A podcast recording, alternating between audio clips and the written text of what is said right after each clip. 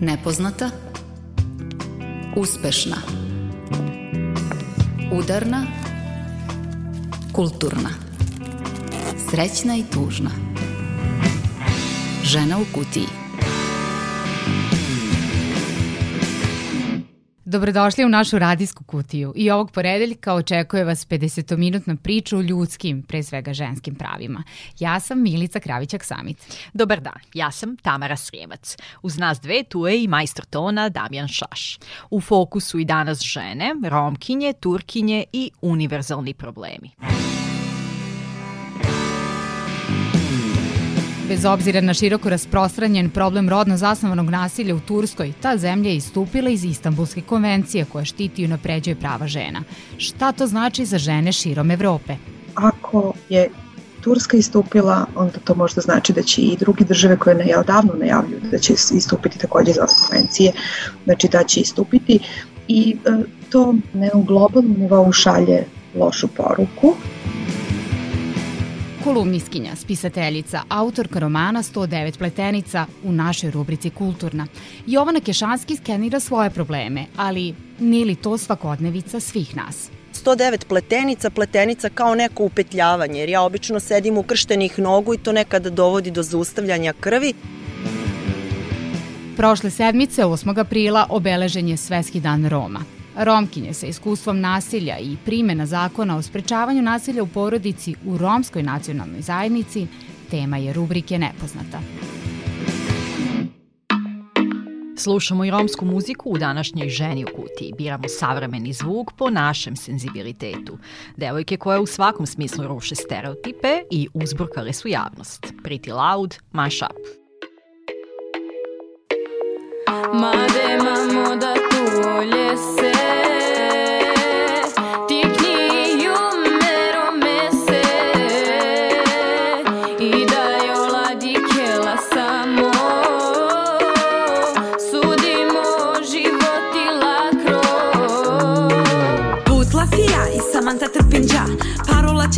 čer sođala Ali morate mangel žrtva te ovel Peda de soro lafi te na gazinel. Ađi kare samantan romeljelja Hem sarineđa je da odovao i namanglja Nikad oj bahtaljina ka ovel Ala korodat ola himen kapiravel All that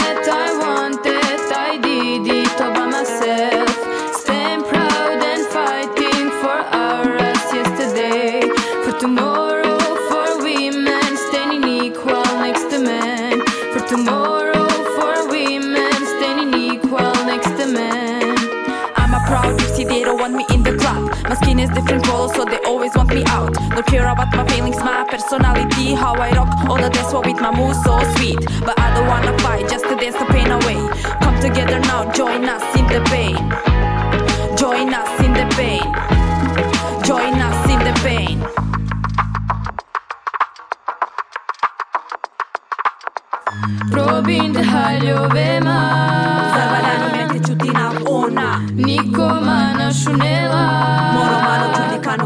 никада Пробин те халјовема Заваляни ме те чутина она. Никома нашунела Моромана джугикано басо па када Котрвена са олошна пуќа Котр косо и ју ме те докажи нам Пакај ме те и черама олен да те напера. Па со ако јум джувли и сима исто ти слага. Коджа ја Su se bite čuti nam ке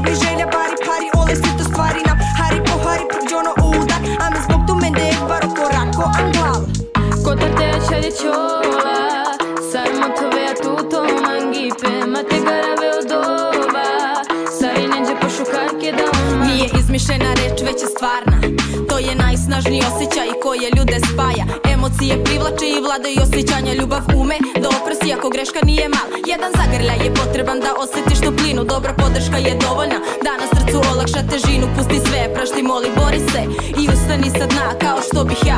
Samo tu je me, te ova dujđene Te muke na mena, mare te mangaja men Oh, ah, but mangaja men Oh, ah, but mangaja men Udarna žena u kutiji.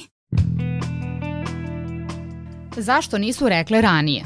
Šta su do sada čekale? Pitanja su koja jedan deo javnosti postavlja žrtvama i koje odzvanjaju poslednjih meseci na društvenim mrežama kao reakcija na prijavljivanje silovanja. Ekspertkinje za ženska prava, senzibilisane novinarke danima informišu o fenomenu seksualnog nasilja, međutim, ta pitanja su i dalje prisutna. Kao rezultat toga nastala je odlična kampanja Kad budeš bila spremna.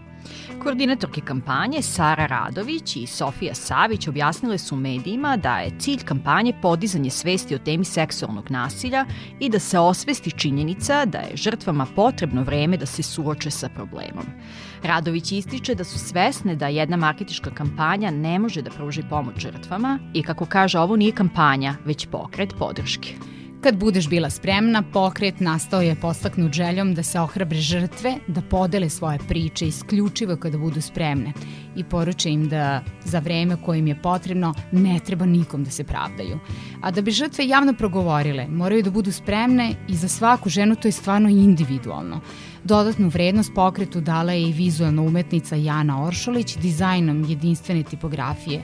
Jana je jedna od najglasnijih kada je tako osetljiva tema u pitanju, tako da njima svima hvala na ovom iskoraku i kreativnoj, a važnoj kampanji. Udarna žena u kutiji. Rubriku Udarna posvećujemo važnom međunarodnom sporazumu na koji se često i pozivamo i spominjemo u našoj emisiji. Reč je o Konvenciji Saveta Evrope o sprečavanju i borbi protiv nasilja nad ženama i nasilja u porodici, koji je inače potpisan u maju 2011. u Istanbulu, zbog čega je i poznata kao Istanbulska konvencija. To je prvi sveobuhvatan evropski pravno obavezujući sporazum koji definiše pojmove kao što su nasilje nad ženama, nasilje u porodici, rod, rodno zasnovano nasilje i uspostavlja obavezu država potpisnica da se sistemski obračunaju sa rodno zasnovanim nasiljem. Konvencija je veoma značajan pravni izvor zbog obaveza koje države potpisnice preuzimaju na sebe da bi zaštitile žene od nasilja, ali predstavlja i važan politički dokument koji konstatuje ugroženost žena usled istorijski nejednakih odnosa moći. Do 2018. godine 46 država je potpisalo konvenciju. Srbija je ratifikovala taj sporazum 2013. a prva država koja je to uradila je Turska 2012. Devet godina kasnije, evo, pre mesec dana, upravo Turska istupila iz nje bez obzira na široko rasprostranjen problem nasilja nad ženama u toj zemlji. Šta to u stvari znači za žene širom Evrope? Žene u Turskoj kažu da to znači samo jedno – nesigurnost. Odluka je izazvala ogromno ogorčenje i izvela na ulicu više hiljada žena, ali i muškaraca u gradovima Turske, zahtevajući od predsednika Redžepa Tajipa Erdogana da odustane od odluke o napuštanju Istanbulske konvencije. Poništi svoju odluku, primeni uredbu. Skandiralo je hiljade žena i muškaraca u Istanbulu. Učesnice protesta nosile su portrete ubijenih žena i transparente na kojima je pisalo žene će dobiti ovaj rat. Ben bir kadın olarak zaten güvende hissetmiyordum. Pre ovoga se nisam osjećala sigurno kao žena. Posle ovoga se osjećam kao da sam u nebezbednom okruženju. Bar je postojao zakon, odluka na koju sam se naslanjala. A sada se osjećam kao da nemam nikakvu podršku. hissediyorum. Biz İstanbul Sözleşmesi'nin Ova odluka je stvarno neprihvatljiva i dolazi sada kada treba da učinimo sve što je u našoj moći kako bismo osigurali primjenu konvencije koja će pružiti bezbednije okruženje za žene i okončati sumnjive smrti. Ovo je vrlo tužna odluka. Mislim da bi sve žene u Turskoj trebalo da se suprostave ovome bez obzira na njihovo uverenje, poreklo i veru.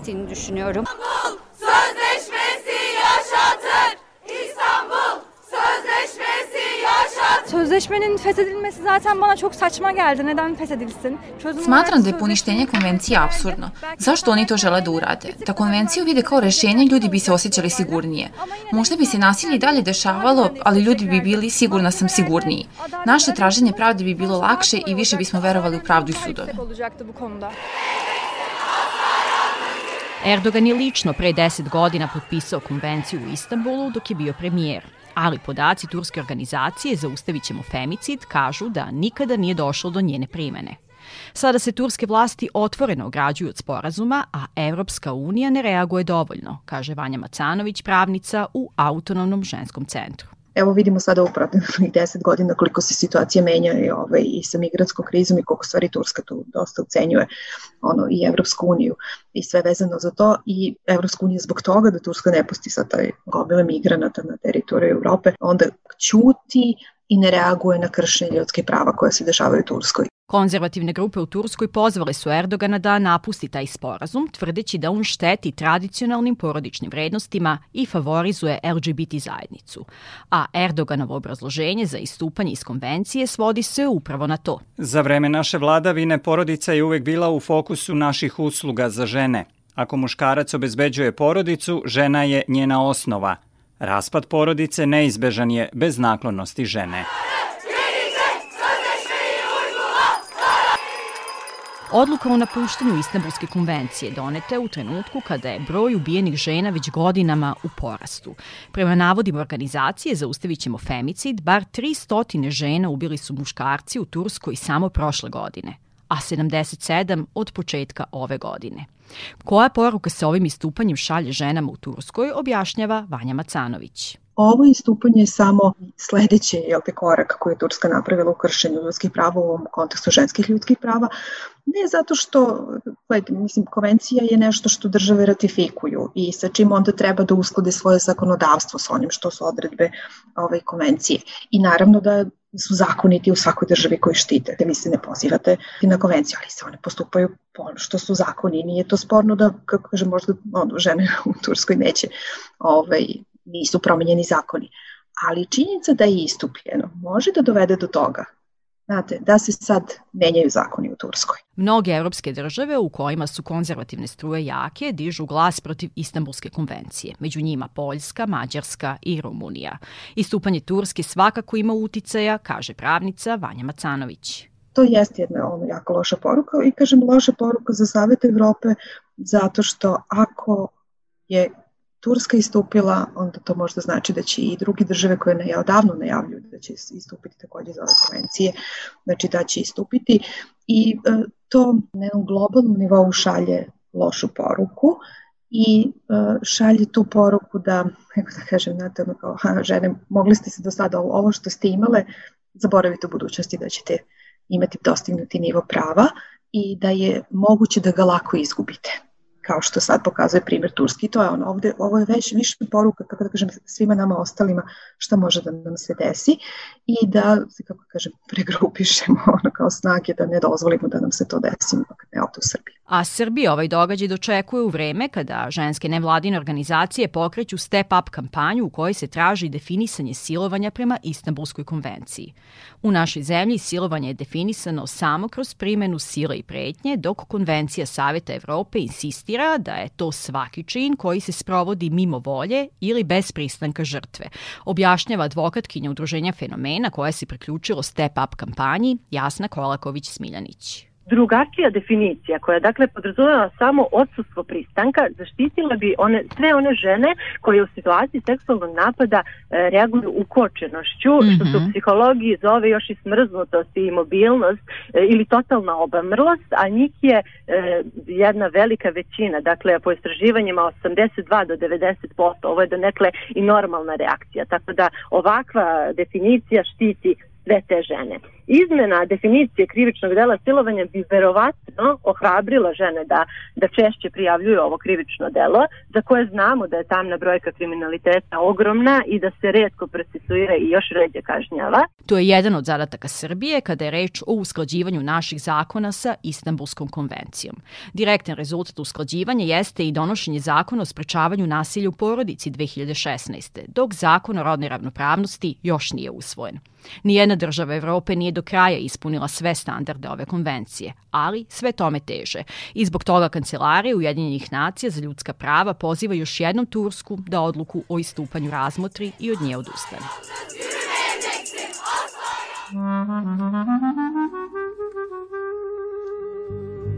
Danas ćemo u emisiji slušati različite varijacije romske muzike, tačnije pesme umetnika i umetnica romskog porekla. Pa tako dolazimo i do Barcelona Gypsy Klezmer orkestra koji je osnovao klarinetista Robindro Nikolić sa muzičarima iz Italije, Francuske, Španije, Grčke.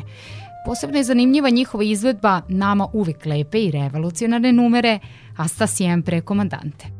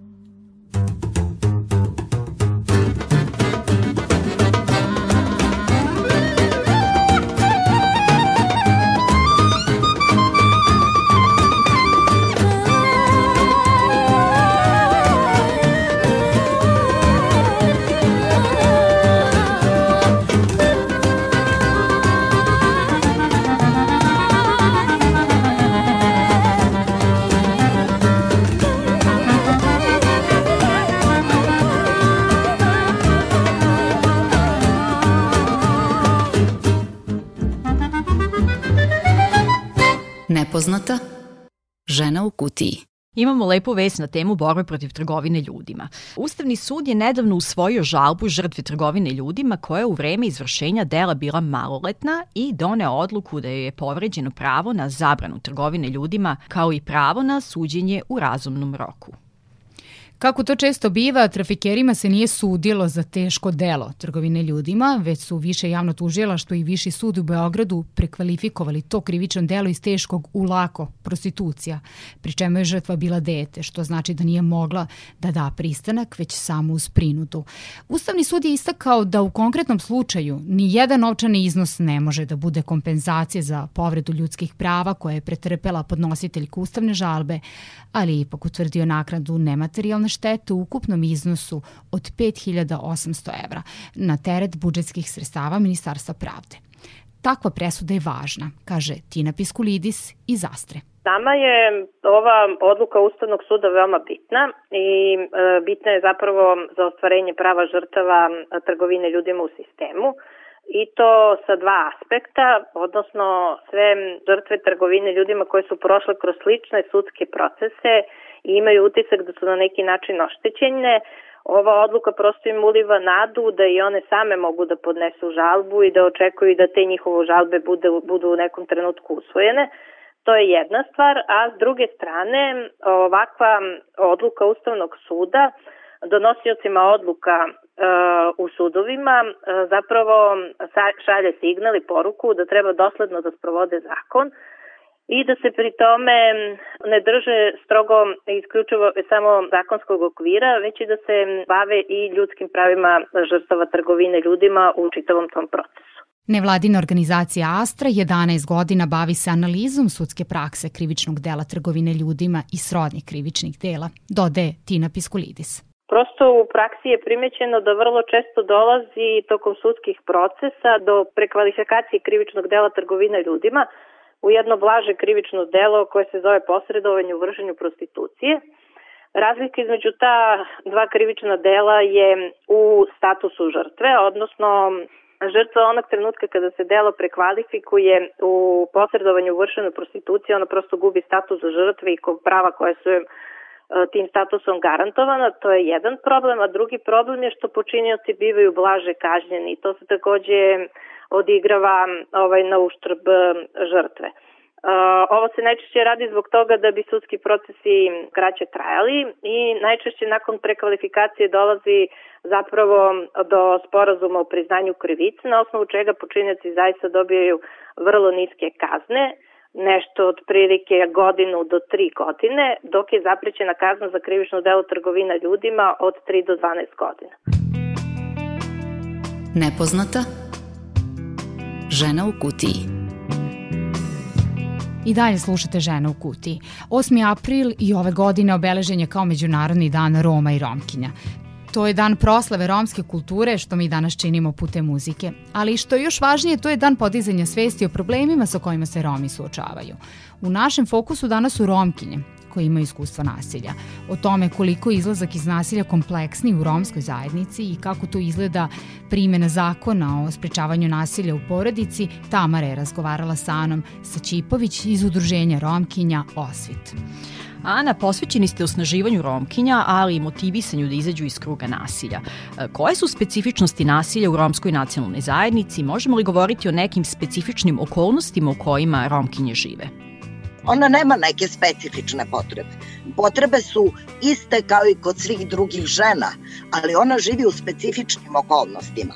Recimo, ako je patriarhat veoma rasprostranjen u društvenoj zajednici i ima duboke korene i naravno posledice svog pristvovanja na, na planeti, onda možete shvatiti koliko je teško ženi koja je ekstremno siromašna izolovana u krugu romske zajednice u kojoj je još uvek zadržano to patriarhalno vaspitanje i još više je pojačano zato što postoje predrasude prema Romima i stereotipi i Romkinjama generalno i onda postoji neka barijera između a, neroma i Roma u razumevanju konteksta u kojima romska zajednica živi. Pa sve ono što nam je nepoznanica, mi to pripisujemo romskoj kulturi, tradiciji i običajima. Međutim, ono što je karakteristično za, za Romkinju, ona živi u proširenim porodicama, u neurbanim naseljima, izolovana od čitave društvene zajednice u okviru te svoje porodice u kojoj se ona udala. Znači, vaspitavana je po strogim a, kanonima patrihalnog vaspitanja koji se obično prepisuje romskoj tradiciji. A u stvari je to pravi patrijarhat koji se još dugo, dugo zadržava u romskoj zajednici. A kako patrijarhat izgleda u romskoj zajednici? Koje su njegove manifestacije? Ona onog trenutka kada se udaje u novoj porodici, sve što doživljava, ne sme da prenosi porodici iz koje je ona potekla. Nema priče da li je gladna, da li je žedna, da li je gola, da li je maltretiraju. To sve mora da bude zatvoreno u okviru te porodice u kojoj je ona ušla kao snaja. Druga činjenica je da je njena porodica porekla, znači njeni roditelji, su takođe ekstremno siromašni i oni ne mogu da je zaštite. Znate da su romkinje žene koje zbog tih specifičnih uslova u kojima živi rađaju veliki broj dece. Možete zamisliti da jedna žena sada sa četvoro, petoro, šestoro dece da se vrati u porodicu porekla koja je takođe ekstremno siromašna. Oni su je izložili onoj maloletničkoj ude i maloletničkim brakovima baš zato što su ekstremno siromašni i u njihovoj porodici će biti jedna gladna usta manje. Da li je zbog svega navedenog romkinjama teži izlazak iz tog kruga nasilja? Zašto je to kompleksnije kod romkinja nego kod drugih žena? prvo nije obrazovana da bi ona mogla da sebi obezbedi, nema profil zanimanja, da bi ona sebi mogla da obezbedi neko radno mesto, da, da se zaposli i da obezbedi sebi i svojoj deci egzistenciju. Sledeća stvar koja je takođe uh, vezuje u taj začarani krug nasilja je činjenica uh, da uh, nije elokventna ne govori dovoljno dobro srpski. Zabluda je da Romkinje ne znaju srpski jezik. To je zabluda. One zato što su naobrazovane, nemaju bogat fond reči i ne mogu na pravi način da iznesu osjećanja koja preživljavaju i doživljavaju u krugu porodice gde se udala, odnosno od strane nasilnika. Takođe, one imaju veoma skučan stambeni prostor jer sada žive u proširenim porodicama gde u dve, tri prostorije gde nije izgrađena infrastruktura u romskim naseljima moraju da vode računa o svim članovima domaćinstva, tu su roditelji njenog partnera, tu su braća, sestre, mala deca, obično ako je sestra a, nasilnika udata i ona živi tu sa svojom porodicom, njegov brat takođe i obično od 10 do 15 i više članova broji ta proširena romska porodica koja živi u dve prostorije. I kako onda omogućiti romkinjama koje su, kao što ste rekli, neobrazovane, siromašne, ekonomski zavisne i koje u svetu imaju jezičku barijeru?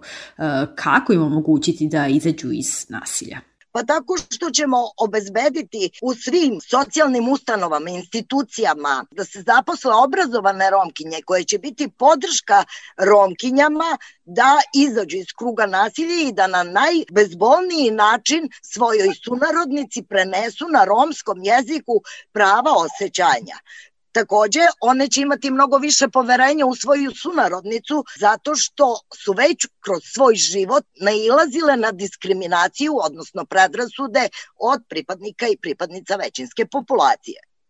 Vola bih sada da porazgovaramo o zakonu o sprečavanju nasilja u porodici, to je preventivni zakon i da podsjetimo, on omogućava da policija po svakoj prijavi i kada ustanovi rizik od neposredne opasnosti može da izrekne jednu ili obe hitne mere, a to su zabrana prilaska i kontaktiranja žrtve nasilja i privremeno udaljenje iz doma. To je mera koju policija izreče na 48 sati i na predlog tužilaštva ona može da se produži na 30 dana.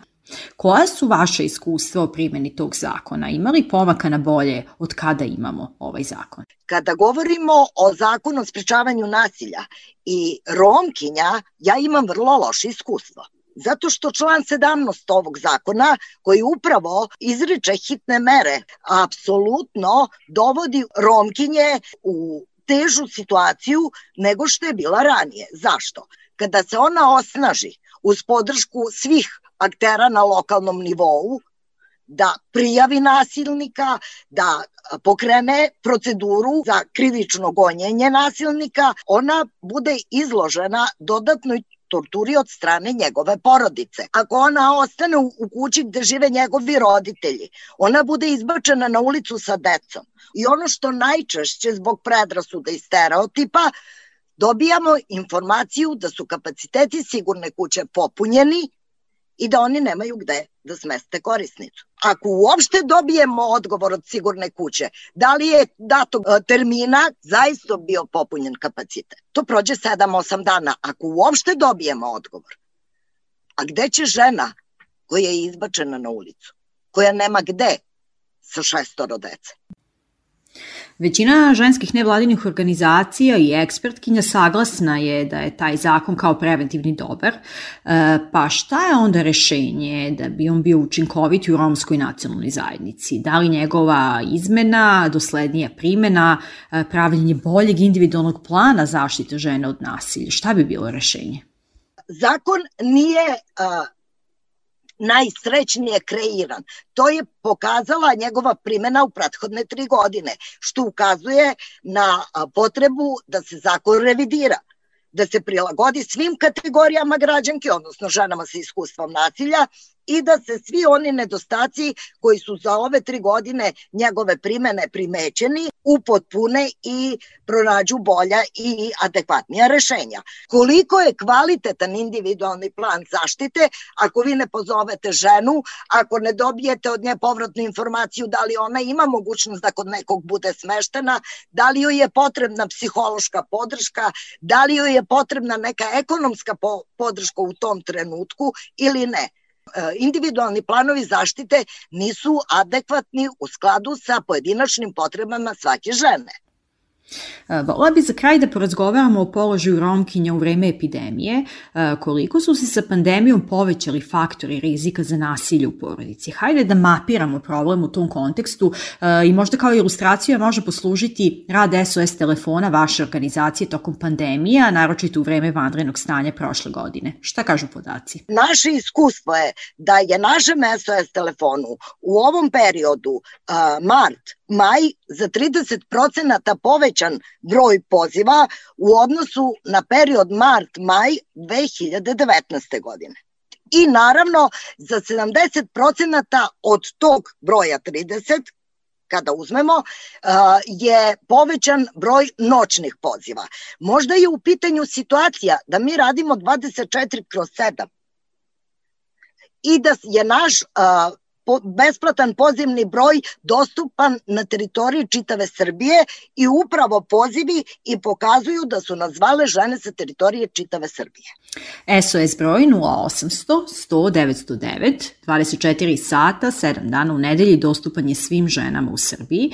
E, njegova specifičnost je što uslugu i podršku možete dobiti i na srpskom i na romskom jeziku. Opet je vreme za muziku, što se nas dve tiče nema smisla govoriti o romskom stvaralaštu bez da u to uključimo naše vojvođane, hip-hopere, džipsi mafija koji repuju na romskom, srpskom i nemačkom.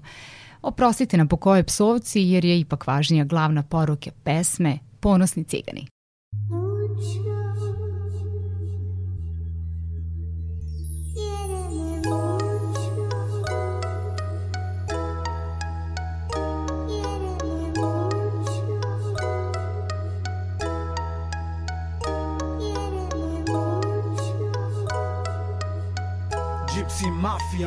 Yeah.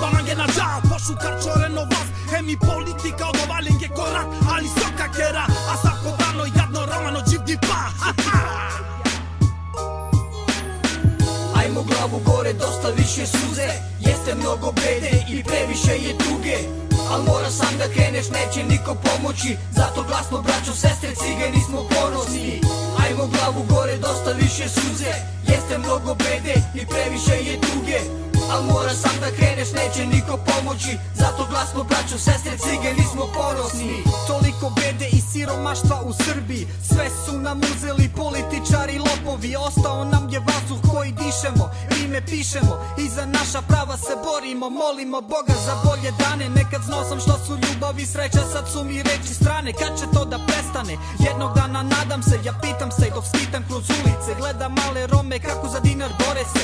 Ja sam ponosan ciganin, ovo su moji ljudi. Ponosni smo svi, ponosan i ti budi. Gledam zvezde na nebu i divim se Bogu. Hvala onim ljudima što Romima pomažu. Ovaj album posvetimo svim našim drugarima. Oni koji su s nama od samog početka. Ovo su ciganska posla,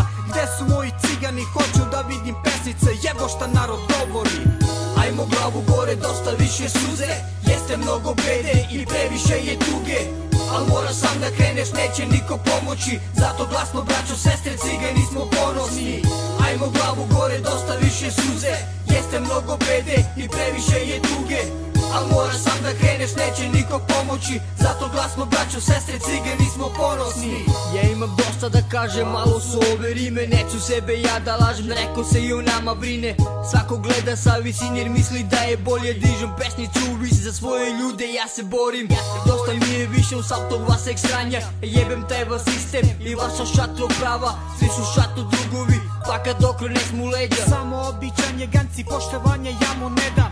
Zato dižem sada pesnicu i još uvijek stojim sa vrata kastam sad na traci Uvijek čuje da se borim. I više ja ne molim Sada samo zahtevam, do sada sam ja tražio Al sada samo uzimam.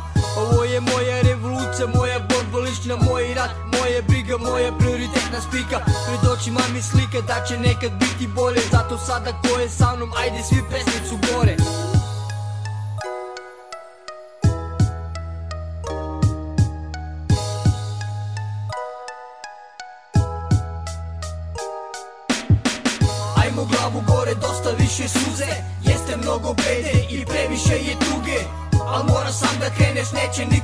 pomoći Zato glasno braćo, sestre, cigani smo ponosni Ajmo glavu gore, dosta više suze Jeste mnogo bede i previše je tuge Al mora sam da kreneš, neće niko pomoći Zato glasno braćo, sestre, cigani smo ponosni Kulturna. Žena u kutiji. U kulturnoj rubrici odlazimo do Čelareva, sela u kom živi novinarka i spisateljica, mada nam ona možda ne bi dozvolila da je tako predstavimo, jer iako je napisala prvu knjigu, sebe baš i ne smatra pisem, možda jer ju i ta titula zvuči previše ozbiljno. Mada u svakom slučaju ona ta zvanja zaslužuje. Ona se zove Jovana Kešanski, čuvena je po svojim kolumnama i specifičnom ogoljenom stilu pisanja, a zbog njenog romana 109 pletenica, Milica se provozala do njenog sela gde su na klupi popričale desetak minuta o knjizi vrednoj vašeg čitanja. Kada nekome treba da objasnimo, šta možemo da kažemo? Šta si želela u suštini da napišeš u knjizi, da izgovoriš? Šta je glavna poruka? Zbog čega taj ventil? Pa znaš kako, kada kažeš šta je glavna poruka, nisam ja dok sam pisala knjigu zapravo spajala te priče imala neku ideju šta ja sad ljudima želim da poručim. Zato što ja ni ne pišem tako, e sad ću ja da sednem i ja želim nekome nešto da kažem. Ne, meni je to pisanje kao oslobađanje mene i onda ja imam na papiru ko sam ja, šta sam ja i onda kad sam to sve skupila ispalo je zapravo da sam da je ta knjiga, da sam to ja. I neki, neka moja uplitanja, neki moji strahovi, neki pokušaj da ja prevaziđem te strahove, pisanje o nekim mojim lošijim odlukama, pa koje su nastale posledice zbog tih loših odluka i tako dalje. Mislim, kako da ti kažem, 109 pletenica, pletenica kao neko upetljavanje, jer ja obično sedim ukrštenih nogu i to nekada dovodi do zaustavljanja krvi, ali nije tu samo stvar sa nogama koje se ukrštaju, tu je stvar sa mnogo stvari koje mene tako ukrste i onda ja nekada poplavim od stiskanja i ta knjiga je zapravo pokušaj da ja na 109 načina, ali kroz 109 priča pokušam da se otpetljam. Eto, to je to. E, zbog oni koji ne poznaju tvoj stil, nisu čitali kolumne koje su izlazile zapravo i na nekoliko portala tokom dosta godina, da pojasnimo da ti pišeš o svemu što te kao kroz sve tvoje uloge, ženu, majku, suprugu, građanku, ženu sa sela okružuje, stil ogoljen, direktan, često psovke, kako drugačije.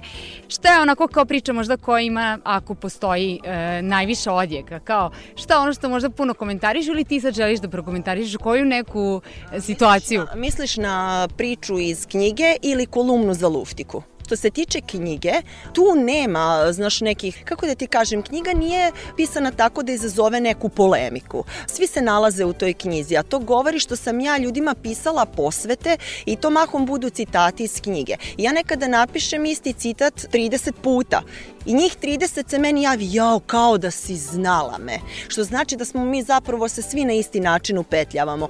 I nisu to stvari o kojima se polemišu. To nekako pročitaš pa se zatvoriš u sebe, pa razmišljaš i tako dalje. Uglavnom ono što izaziva polemiku i raspravu i ono zabadanje meni noža u ovaj leđa e, su kolumne za luftik. Uglavnom kada čačnemo nešto što što ovaj ljudi rade, ali ne žele da priznaju. To su uvek te mameće teme, odvođenje dece u tržni centar, u zadimljene kafiće, to ako im kažete kao da ste im ovaj sodu bacile u, u oči, zato što one znaju da nije normalno da vode dete u zadimljene kafiće, pa se onda meni pravdaju i tu nastane jedan mali rat to je, pa i nije mali. I ovaj, raspravljaju se kad tako, mislim, pa eto, uglavnom te neke mameće teme i, i, i o, teme kada se bavim nekim poznatim ličnostima i onda oni meni kažu zašto, zašto je opšte njima dajem značaj i tako. A eto, to je to nešto. Ali voliš da polemišeš i komentarišeš? Pa vidi, znaš šta mene u principu najviše nervira? Na mojoj stranici kao da imate dve Jovane. Znači, Jovana koja piše e, stvari koje je pisala u knjizi je Jovana koja je mirna, koja se bavi sobom, koja se bavi drugim ljudima, strahovima, očekivanjima. A Jovana koja piše o modnim blogerkama, o sisama, dupetima, krimosima i mamama koje vode decu tržni centar je Jovana novinar. E, I oni ne mogu često da naprave razliku. I onda ovaj, budu mi simpatični kada, na primer, napišem neki tekst u nekoj modnoj blogerki koja je ugradila silikone kao ovo vam nije trebalo. Mislim, kako mi nije trebalo? Znači, ja sam novinar, s jedne strane sam novinar i tu pišem tekstove da ja sečem našu stvarnost koja uglavnom je gnojava, a s druge strane sam pisac koji piše neke teme koji ne zazivaju takvu buru, ali njima jako teško da to razluče. To mi se sve svidelo. E sada, Meni se dopali kako si jednom intervju odgovorila, dok sam pisala priče koje su mahom autobiografske, sve sam proživljavala ponovo, pa opet i opet i valjda sam tako u ponavljanju, jer ponavljanje je majka znanja kažu, shvatila gde sam pravila greške, što sam ih pravila, šta me bolelo, šta sam mogla da uradim, šta nisam i kaću. I sve se nekako poslagalo, je tako, i izlaskom te knjige 109 pletenica izašla i ta promenjena Jovana. I jesu to možda u stvari, kažeš nije loša ta nova Jovana, jesu to možda neka očekivanja od onih koji čitaju knjigu, da analiziraju zajedno sa tobom kroz tebe i možda i oni postanu ta neka drugačija verzija, ne nužno bolja? Znaš kako, ne mogu ja sad da kažem da je završetkom e, pisanja knjige da sam ja postala ono preporođena Jovana, bacila ono košuljicu kao zmija i sad je meni super. Ne, nego sam ja samo shvatila neke stvari pišući to iznova i iznova i iznova, malo sam bolje upoznala sebe, ali sad ja imam još puno da radim na sebi. Znači ja sam tek uh, kroz knjigu iskopavala nešto iz sebe i sad kad sam to izbacila iskopano uh, na papir, sad malo bolje znam ko sam ja, šta sam ja, šta me plaši, šta me raduje. E sad sa tom teorijom ja trebam da krenem u praksu.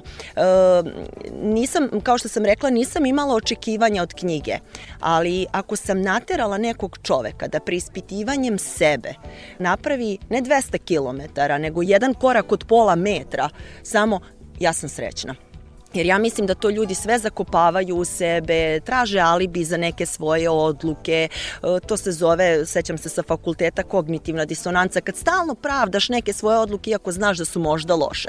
To sam i ja radila i zato mi je bilo bitno da kroz tu knjigu i kroz te priče probudim i sebe i druge ljude da se malo više pozabave sobom i sa tim što ih žulja.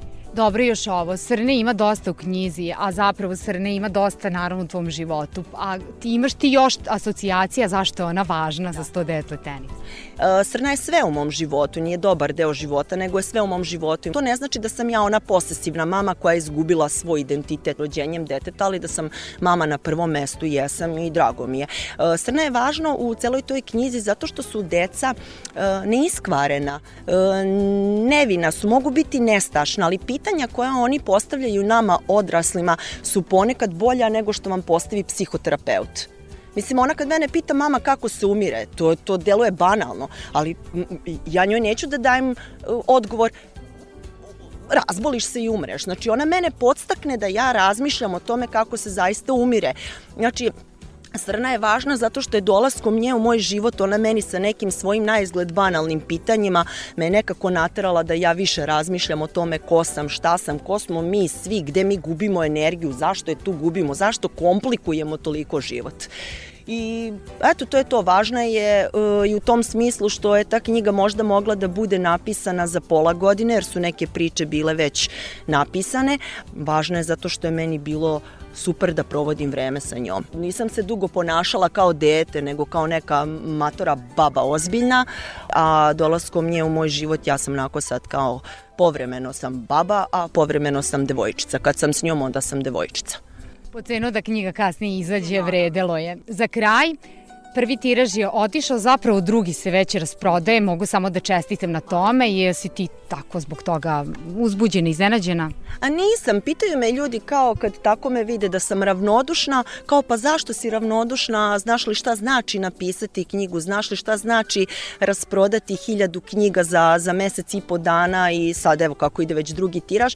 Opet kažem, ja redko kad sam ushićena kao šiparica, to kod mene nema, pa onda nisam ushićena ni što se tiče izlaska knjiga knjige, a i opet kažem, ljudi koji pišu knjigu ciljano, da se dopadnu ljudima, koji ustaju ujutru i kao sad ću ja da napišem knjigu, koji već kalkulišu unapred koliko će knjiga da prodaju, koliko će da zarade i tako dalje, oni verovatno bi bili uzbuđeni. A ja nisam imala taj cilj, nije meni bio cilj niti da ja zarađujem od knjige, nije mi bio cilj da se ja nekome dopadnem, nije mi bio cilj da rasprodam ovaj tiraž. Prosto mi je negde to bio logičan sled koraka, dugo pišem, to je moja potreba, to je moja suština suština i zašto to ne bi skupila, posebno kada sam videla kako ljudi reaguju i koliko im pomažem. Negde su i oni sami očekivali da sve to se stavi u jednu knjigu, da imaju kao neki, neću da kažem priručnik, to mi je, svi su puni nekih priručnika, ali nešto da, da, da ih onako trgne malo kad, kad zalutaju. Eto, to je to. Toliko od nas dve iz kutije. Pratite ženu u kutiji na društvenim mrežama, pišite nam ako imate potrebu, pitanje, predlog, zašto da ne. Pratite i druge važne feminističke stranice, daćemo vam uputstvo ako zatreba. Hvala što ste uz nas. Mi smo Milici i Tamara, sa nama i majstor tona Damijan Šaš, muziku za špicu dugujemo bendu Lazar.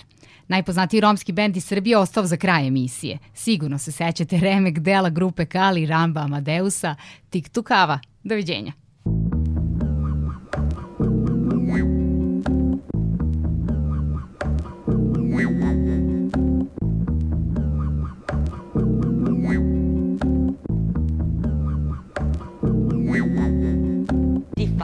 Köpfe wollen bloß passieren.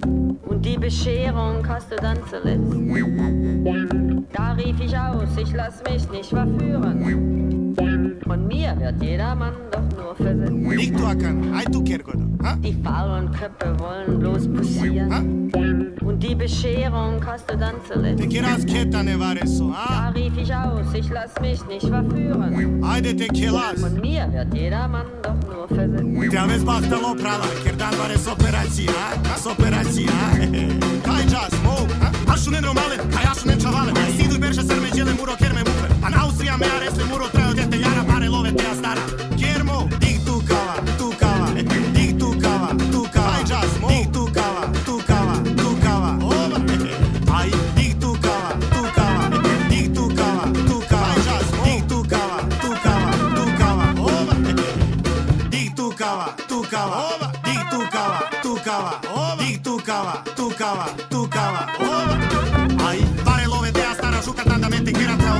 quiero. Fermo, canakindem sukar voron, ano tardis parnin kirket me avile, amo, ja. Ai, tevla, tevla, kataroi, me matilem, antu sugo me hutile, Kaj jazz, mo, kjermo, ai, ašunen romalen, kaj ašunen čavalen, stidu i berša zarmeđele muro, ker me. Ja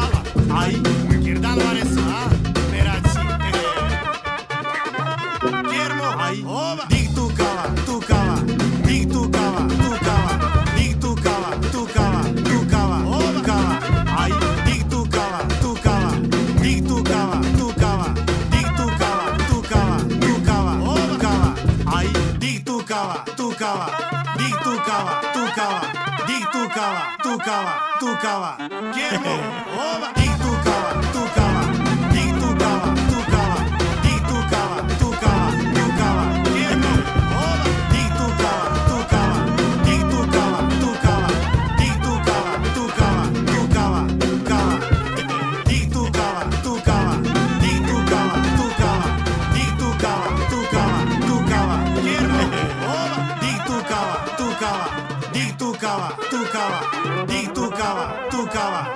lá.